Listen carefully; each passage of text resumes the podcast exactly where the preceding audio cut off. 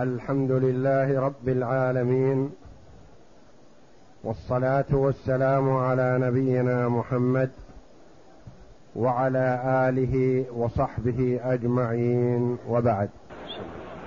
بسم الله الرحمن الرحيم والصلاة والسلام على أشرف الأنبياء والمرسلين نبينا محمد وعلى آله وصحبه أجمعين. قال المؤلف رحمه الله تعالى فصل.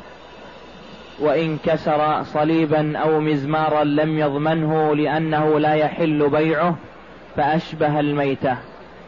قول المؤلف رحمه الله تعالى فصل وإن كسر صليبا أو مزمارا. هذا فيما إذا كان المغصوب لا يحل استعماله. واستطرد المؤلف رحمه الله في هذا الفصل فيما هو ليس بغصب وإنما هو من باب الإتلاف. أتلف شيئا ما فهل يضمنه أو لا؟ إن كان مما يباح استعماله فمن أتلف شيئا ضمنه. سواء كان عن طريق الغصب أو عن طريق التعدي أو عن طريق الخطأ. وإن كان مما لا يحل استعماله فإذا أتلفه فلا ضمان عليه ولا تلزمه القيمة لأنه لا يحل بيعه. فيقول رحمه الله وإن كسر صليبا الصليب لا يحل استعماله. فإذا كسره المرء فلا يضمن إياه. ما يقال هذا الصليب اعتني به وتكلف في صنعته وكلف ألف ريال أو عشرة آلاف ريال أو أقل أو أكثر واتلفه على صاحبه وممكن لصاحبه إذا نهي عن استعماله أن يبيعه ونحو ذلك فهل يضمنه؟ نقول لا لأنه لا يجوز استعماله ولا يجوز بيعه ولا صنعته فمن أتلفه لا يضمن أو مزمارا. المزمار آلة الزمر والغنى. والغنى محرم. والزمر محرم. لأنه صوت الشيطان. وحب القرآن وحب ألحان الغنى في قلب عبد مؤمن لا يجتمعان كما قال ابن القيم رحمه الله تعالى. فمن أولع بالزمر والغنى فغالبا لنفاق في قلبه. والغنى ينبت النفاق في القلب كما ينبت الماء البقل يعني العشب. فهو محرم ويحرم استعماله. ويقسم عبد الله بن مسعود رضي الله عنه أنه المقصود بقوله تعالى ومن الناس من يشتري لهو الحديث ليضل عن سبيل الله فيقول هو الغنى والله الذي لا إله غيره فالغنى محرم وآلته وما يساعد عليه أو يحسنه محرمة كذلك. فإذا كان عند شخص مزمار ثم جاء آخر وكسره. فلا يقال له هذا المزمار اشتراه صاحبه بألف ريال أو أقل أو أكثر وعليك أن تدفع قيمته لأنه يمكن أن يبيعه على أهل الغنى يمكن كذا. نقول إذا حرم استعمال شيء حرم ثمنه. إن الله إذا حرم شيئا حرم ثمنه. كما قال الصحابي رضي الله عنه للنبي صلى الله عليه وسلم إن عنده خمر لأيتام ومال اليتيم حرج فهل يبيعه؟ ممن يباح لهم شرب الخمر من أهل الذمة من اليهود والنصارى؟ قال عليه الصلاة والسلام إن الله إذا حرم شيئا حرم ثمنه. أرقه. حتى وإن كان مال يتيم فيراق. وكذلك الآلات المحرمة يجب إتلافها. وإذا أتلفها متلف فلا يغرم بخلاف الآلة التي تصلح للحلال والحرام فلا يجوز التعدي عليها فمن تعدى عليها ضمنها. من تعدى عليها ضمنها. وإذا كانت خاصة في الحرام فلا تضمن. ومما يصلح للحرام والحلال مثلا عنب. العنب حلال. وإذا استعمله المرء في الحرام جعله خمرا صار حرام. وصار لا يجوز بيعه. وما دام عنب فهو يجوز بيعه. قد يقول قائل أنا أتلفت هذا العنب لأن صاحبه يريد أن يتخذه خمر. نقول وما يدريك؟ هو الآن ليس بخمر فلا يحل لك إتلافه. قال إنه يؤول إلى الخمر قلنا ما آل إلى الآن. هو طعام طيب وحلال. إذا آل إلى الخمر فحينئذ يجب إتلافه. فإذا كانت الآلة لا تصلح إلا للمحرم فلا ضمان على متلفها. وإذا كانت الآلة تصلح للحلال والحرام فلا يجوز إتلافها فمن أتلفها فعليه ضمانها. وإن كسر أواني الذهب والفضة لم يضمنها لم يضمنها لأن اتخاذها محرم. نعم. وإن, وإن كسر أواني الذهب والفضة لم يضمنها. وإن أتلفها ضمنها ذهبا أو فضة. فمثلا جاء وجد أناس يشربون بكأس الذهب. يشربون به القهوة أو الشاي. فغضب وأخذه وكسره. فقيل له هذا الكاس صنع والذهب يتخذ حلية ويتخذ نقد ويباح استعماله للنساء. لما كسرته؟ يقول كسرت الكاس لأنه لا يجوز للرجال ولا للنساء ولا للصغار ولا للكبار أن يشربوا في آنية الذهب والفضة. فأنا كسرت شيئا محرم الاستعمال. فهل يضمن؟ لا. لأن هذا محرم الاستعمال. لكن أتلفه رماه في بئر ما أو في البحر ولم يعثر عليه. فيضمن الذهب والفضة لأنه ممكن أن يعجن ويصاغ حلي مباح. فرق بين كسر الآلة أو إتلافها بالكلية فكسرها لا ضمان فيه لأنه يكسره عشر قطع أو عشرين قطعة ثم يصاغ حليا ممتاز. بخلاف ما إذا رماه في البحر فيضمنه دون صناعته.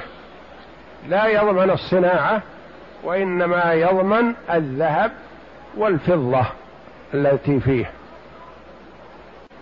واتخاذ الأواني محرم لكن كسر سوار ذهب أو سوار فضة فيضمنه لأن السوار مباح استعماله للمرأة والكاس لا يباح استعماله لا للرجل ولا للمرأة.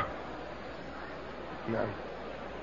وإن كسر آنية الخمر ففيه روايتان إحداهما يضمنها لأنها مال غير محرم ولأنها تضمن إذا خلت فتضمن إذا كان فيها خمر. كالدار. الثانية.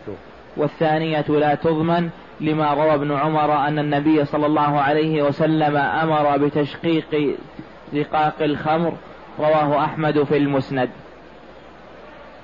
وإن كسر آنية الخمر أو شققها قارورة فيها خمر. فرآها المسلم بأيدي مسلمين فغضب لله. وهذا الغضب يشكر عليه. فتمعر وجهه وغضب.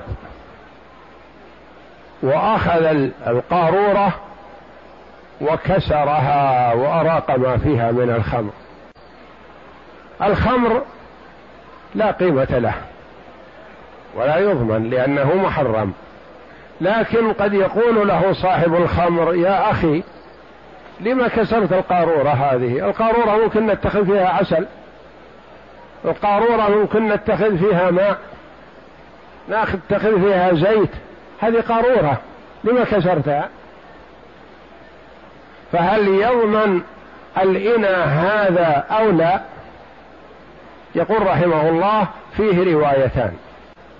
إحداهما يضمنها لأنها ليست محرمة القارورة. قارورة زجاج كبيرة مثلا ممكن أن تتخذ في أشياء ثانية. هذه ليست محرمة. وقال مثل الدار هذه إناء الدار إذا وجد فيها خمر تهدم؟ لا. يتلف الخمر والدار تسكن. فإناء المحرم ليس محرم. فقال إذا كسر القارورة يضمن إياها. لو أراق الخمر فلا ضمان. مثلا قارورة فيها خمر يساوي ألف ريال والقارورة تساوي مئة ريال. فكسر القارورة وأراق الخمر. فعلى الرواية الأولى يضمن مئة ريال التي قيمة القارورة والخمر لا قيمة له لأنه محرم. وعلى الرواية الثانية يقول لا يضمن. لأن هذه إناء محرم. إناء لشيء محرم. فهو ما كسرها لذاتها وإنما كسرها لإراقة ما فيها من الحرام.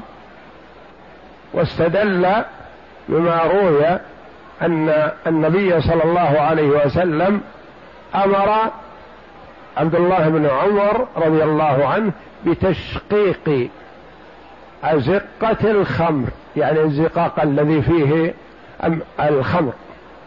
قال يتلف. فقالوا إذن النبي صلى الله عليه وسلم بإتلافه دليل على أنه لا قيمة له.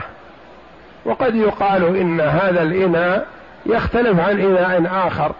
هذا الزقاق الذي هو الجلد قد يكون الخمر الجلد هذا تشبع بالخمر. فمهما غسل ما يذهب أثره. فأمر النبي صلى الله عليه وسلم بتشقيق الآنية حتى يستراح منها ولا يبقى لها لون ولا أثر. بخلاف بعض الأواني التي ممكن أن يزال ما فيها من الخمر وتغسل وينتفع بها في أشياء ثانية مباحة. ففي الإناء الخمر روايتان إحداهما الضمان لأنها ممكن أن تستعمل في غيره والثانية عدم الضمان لأن النبي صلى الله عليه وسلم أمر بتشقيقها. نعم. فصل. ومن أتلف مالا محترما لغيره ضمنه لأنه فوته فضمنه كما لو غصبه فتلف عنده. هذا الفصل في الإتلاف دون الاغتصاب ما اغتصبه لكنه أتلفه. يعني مثلا قتل دابة لغيره عمدا أو خطأ. أتلف سيارة لصاحبها واقفة عند الباب فصدمها بسيارته الماشية. أتلف مالا لغيره ليس على سبيل الاغتصاب وإنما هذا أتى به المؤلف رحمه الله على سبيل الاستطراد. يعني إذا أتلف شيئا ولم ينوي اغتصابه وما قصد اغتصابه لكنه أتلفه. مشى بسيارته ودفع جدار الجار. مثلا أتلف شيئا لغيره قال ومن أتلف مالا محترما ليخرج ما أتلفه مال غير محترم. كلب أو خمر أو شيء غير محر غير حلال. إذا أتلف يقال هذا غير محترم. ضمنه لأنه فوته فضمنه كما لو غصبه فتلف عنده. مشى بسيارته واصطدم ببقرة شخص أو بعيره أو شاته نقول عليه الضمان لأنه أتلفه.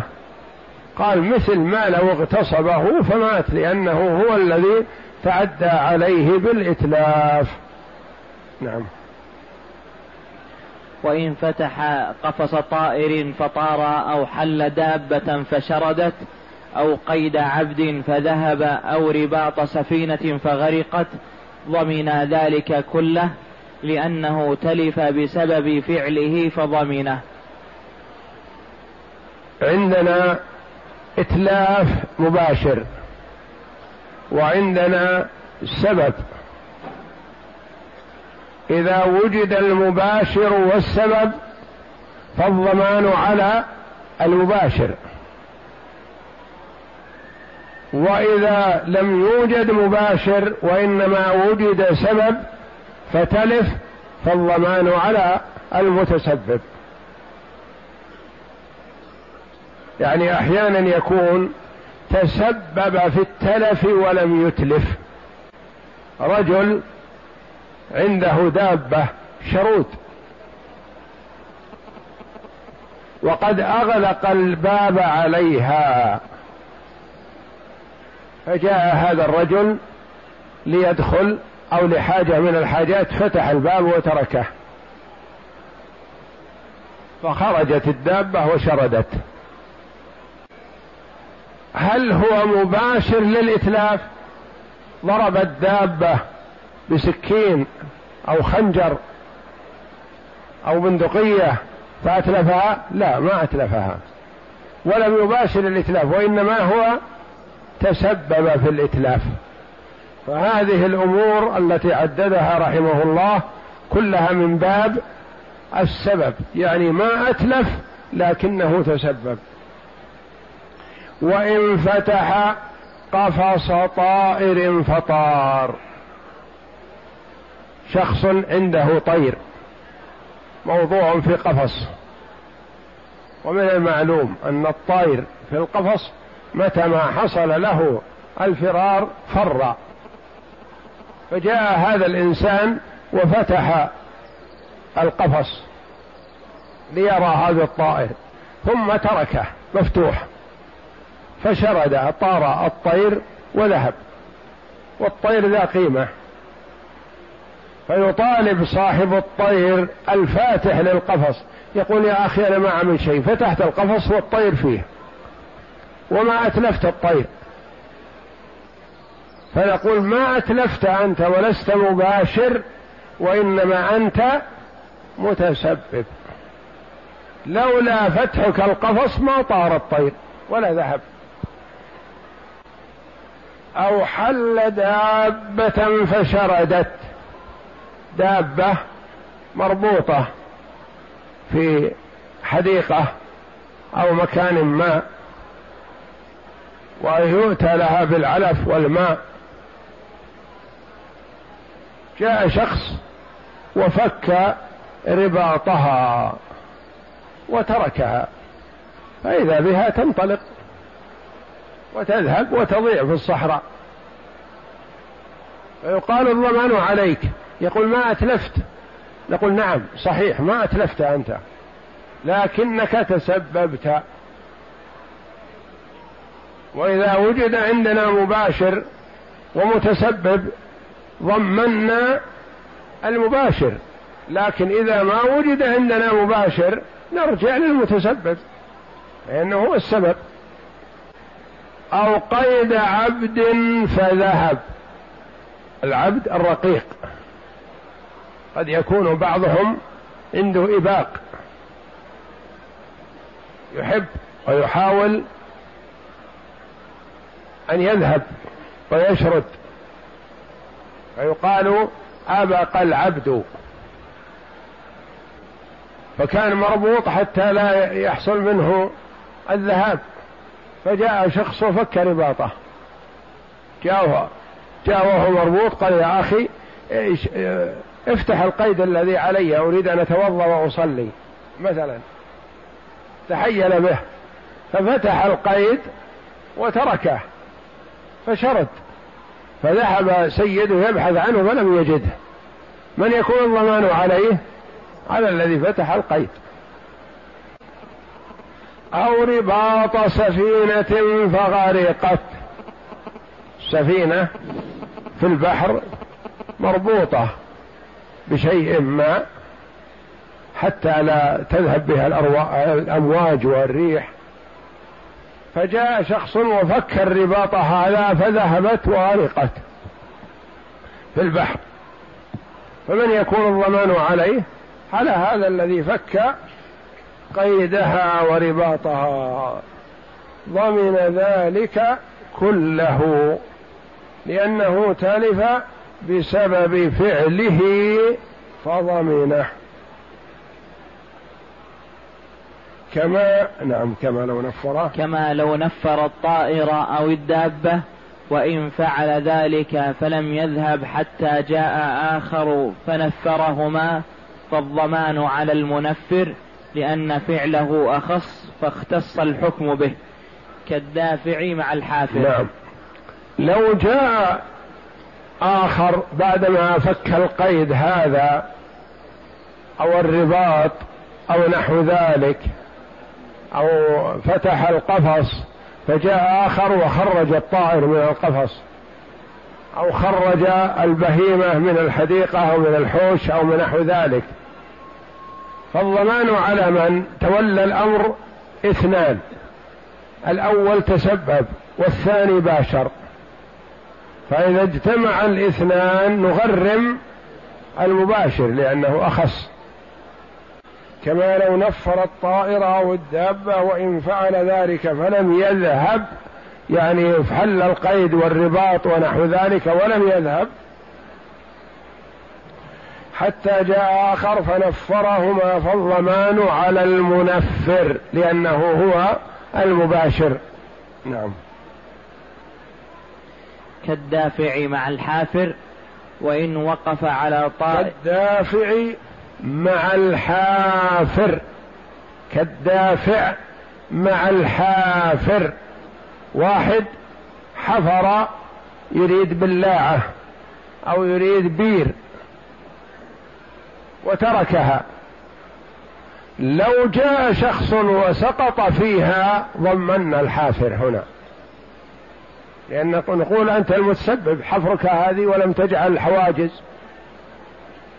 حفر وتركها. فجاء شخص يريد ينظر الحفرة هذه عميقة ولا ليست عميقة؟ فجاءه آخر من خلفه ودفعه ورماه في الحفرة. فالضمان على الحافر أو على الدافع. على الدافع. لما؟ لأن الحافر متسبب والدافع مباشر. فإذا اجتمع المباشر والمتسبب قرمنا المباشر. نعم. وإن وقف طائر على جدار فنفره إنسان فطار لم يضمنه لأن تنفيره لم يكن سبب سبب فواته لأنه كان فائتا قبله. لو أن طائر انطلق من شبك صاحبه وجاء ووقع على جدار بيت ما. فجاء صاحب البيت وطرده وأش وأشار إليه وطرده من جداره. فهل يضمنه؟ يأتيه صاحب الطائر ويقول يا أخي طيري وقف على جدارك. وكان المفروض أنك عاونتني عليه وصدته ومسكته. لكنك أنت نفرته زيادة فتضمنه فيقول لا يا أخي طيرك من أصله نافر. وأنا ما أريد أن يقع على جداري. وعندي طيور أصغر منه وأخشى أن يأتي فيتلفها. فأنا طردته عن جداري ما ما نفرت طيرك وإنما طيرك من أصله كان نافر من عندك. فأنا ما عملت نحوه إلا أني أبعدت عن جداري ولي الحق في أن أبعده عن جداري. وإن وقف طائر على جدار فنفره إنسان فطار لم يضمنه لأن تنفيره لم يكن سبب فواته لأنه كان فائتا قبله. من أصل كان منطلق. نعم. وإن طار في هواء داره فرماه فقتله ضمنه لأنه لا يملك منع الطائر الهواء فأشبه ما لو قتله في غير داره. نعم. إذا قتله يعني هو لو جاء جهة داره وأشار إليه وهرب فليس عليه شيء. لكن جاء على هوى داره يمر من فوق. فتحين له وتختل له ورماه وقتله. فيقال تضمنه لأنك فوته على صاحبه.